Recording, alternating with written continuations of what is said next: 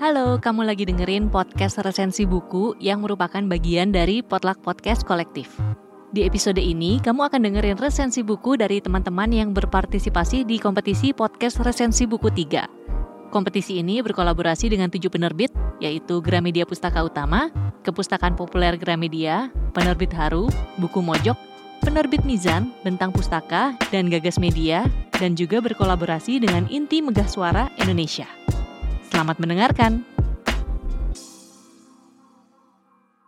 Hai, aku Erma.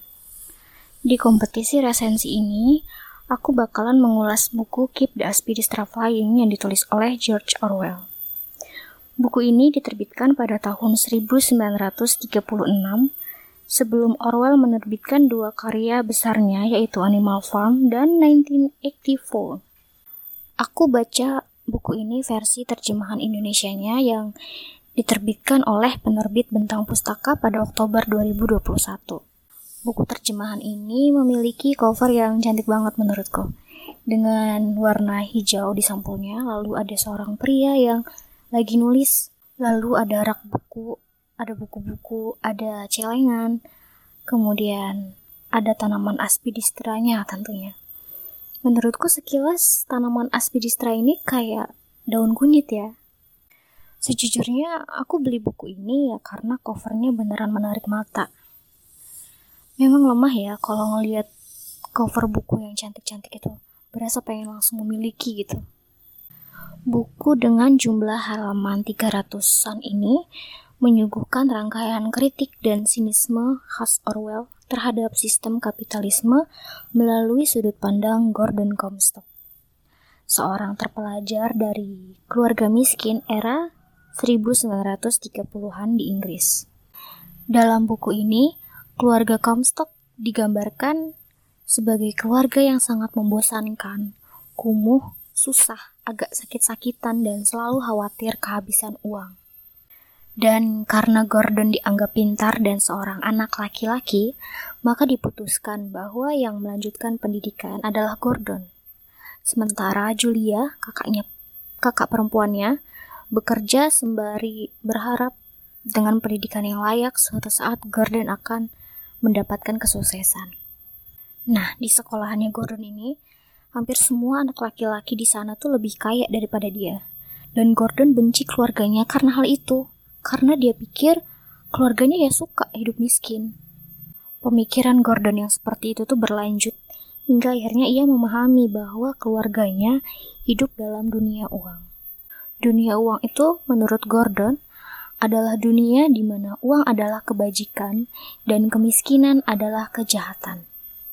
Aku rasa sejak saat itulah Gordon mulai membenci uang dan berperang melawannya. Setelah Gordon lulus sekolah, salah satu pamannya membantunya untuk mendapatkan pekerjaan yang bagus.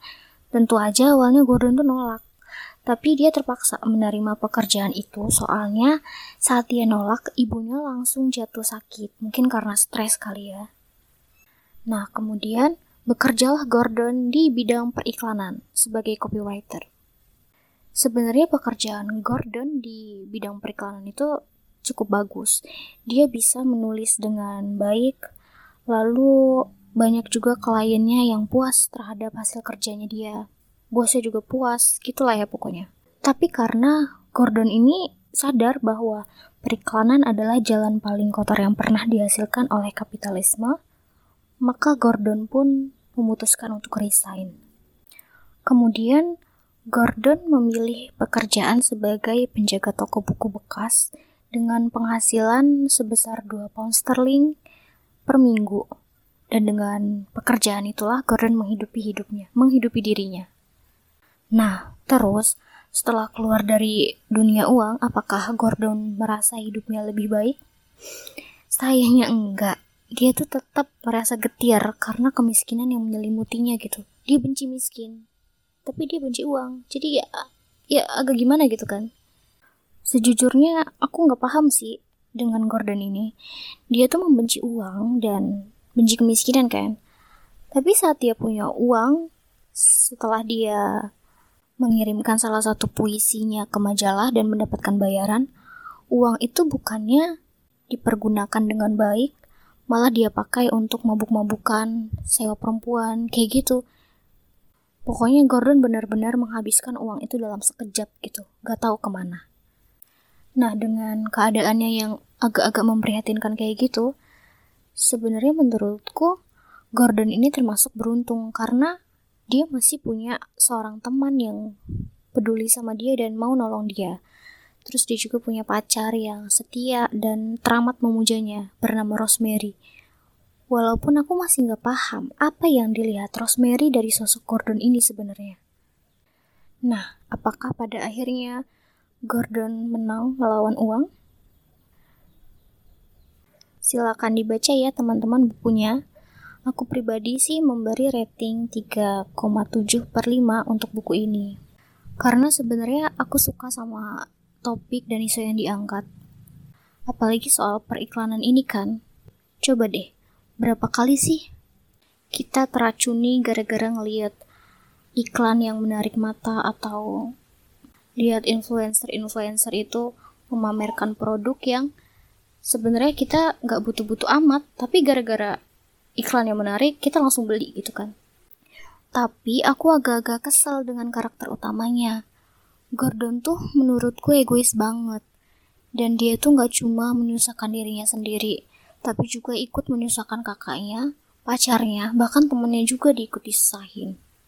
Dan gara-gara karakter utamanya itu, aku cukup lama bisa menyelesaikan buku ini. Hampir sekitar satu bulanan kali ya. Tapi ya sekali lagi, topik yang diangkat dalam buku ini beneran menarik. Jadi, teman-teman harus baca juga ya. Sekian dari aku, makasih udah mendengarkan. Have a good day.